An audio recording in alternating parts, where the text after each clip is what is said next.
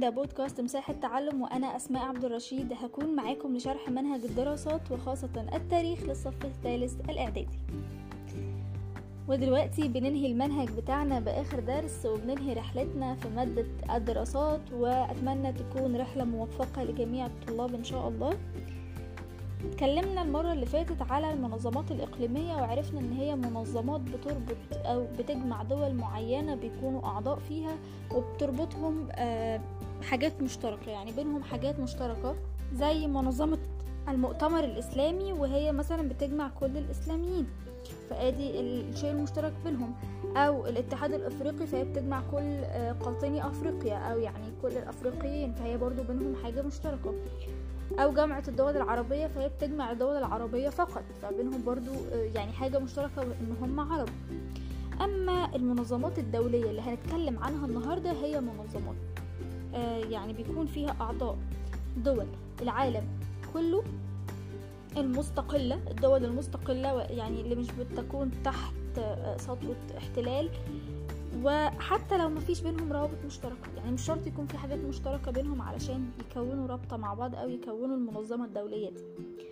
ومن الأمثلة المهمة جدا عليها هي الأمم المتحدة منظمة الأمم المتحدة وهي منظمة عالمية. المقر بتاعها موجود في نيويورك وبتجمع كل دول العالم اللي آه، مستقلة برضو زي ما قلنا وتم إنشائها في أواخر عام 1945 طيب يا ترى اتعملت ليه أو إيه أهدافها أو علل أو بما تفسر لما أنشئت آه، آه، الأمم المتحدة أو منظمة الأمم المتحدة أو ما هي أهداف منظمة الأمم المتحدة؟ هنقول ثلاث حاجات.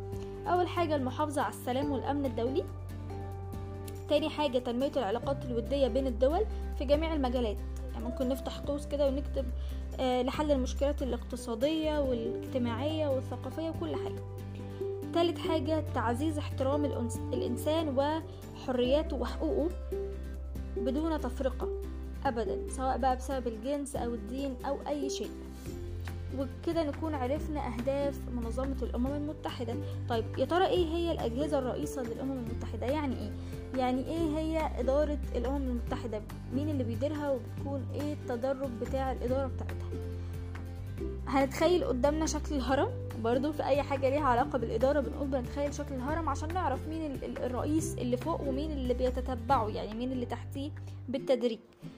فعلى قمة الهرم ده هنلاقي الجمعية العامة وهي بتضم جميع الدول الأعضاء في الأمم المتحدة ولكل دولة صوت واحد. يعني إيه لكل دولة صوت واحد؟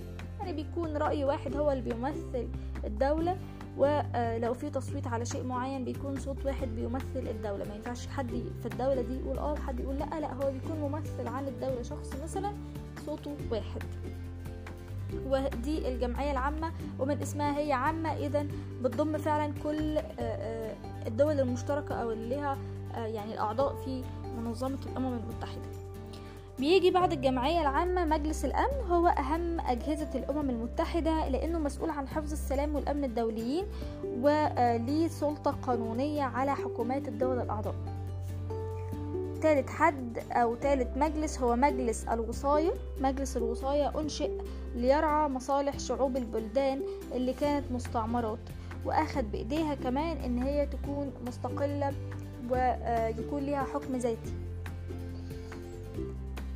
بعد كده عندنا محكمة العدل الدولية ومن اسمها هي اسمها محكمة محكمة يعني أو محكمة العدل فإذا هي ليها علاقة بالجانب القضائي. وفعلا هي بتعتبر ال- الجهاز القضائي الأساسي للأمم المتحدة ومقرها لاهاي في هولندا وبتنظر في القضايا اللي بتضعها الدول آه، العربية أو الدول آه، أيا كان يعني. إحنا قلنا إن هي دي بتكون عالمية. في أي دولة من الأعضاء بتضعها أمامها وبيتم تقديم الاستشارات القانونية للهيئات آه، الدولية. بيجي بعد كده الأمانة العامة وبيرأس الأمانة العامة الأمين العام وبيتم تعيينه عن طريق آه، حاجتين. أول حاجة عن طريق الجمعية العامة و آه، تاني حاجة توصية من مجلس الأمن. يعني مجلس الأمن بيرشح أكتر من حد بيو- بيقوم بتوصية شخص معين مثلا إن هو يكون الأمين العام. وبرضو آه، الجمعية العامة بت- بتقول رأيها في ده.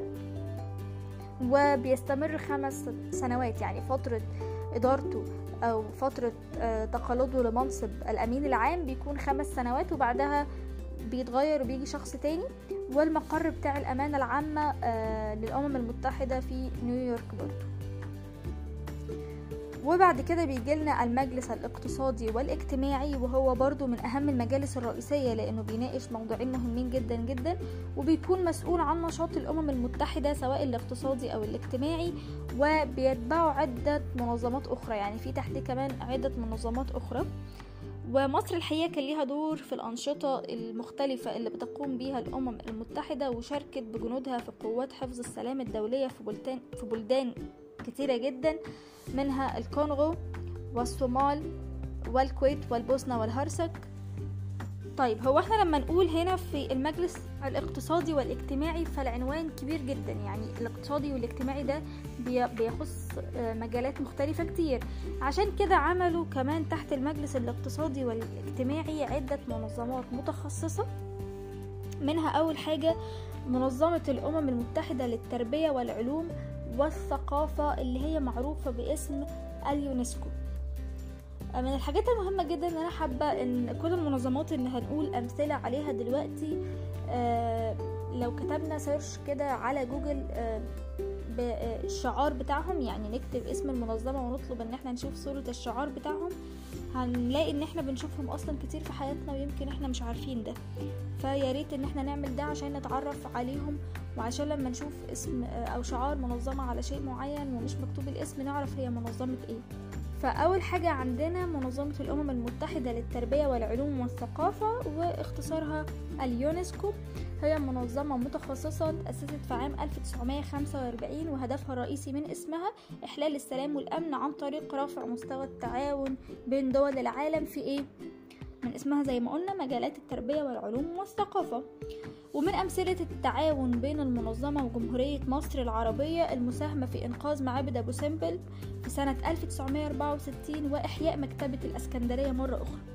وتاني منظمة متخصصة معانا هي منظمة الصحة العالمية وتم إنشائها في إبريل 1948 ومقرها جنيف بسويسرا والهدف منها توفير أفضل السبل الرعاية الصحية من اسمها برضو هي منظمة الصحة إذا هي بتهتم بالمجال الصحي لجميع الشعوب ونشر الوعي من أجل حماية مياه الشرب من التلوث وكمان بتعمل دورات تدريبية لتطوير الخدمات الصحية.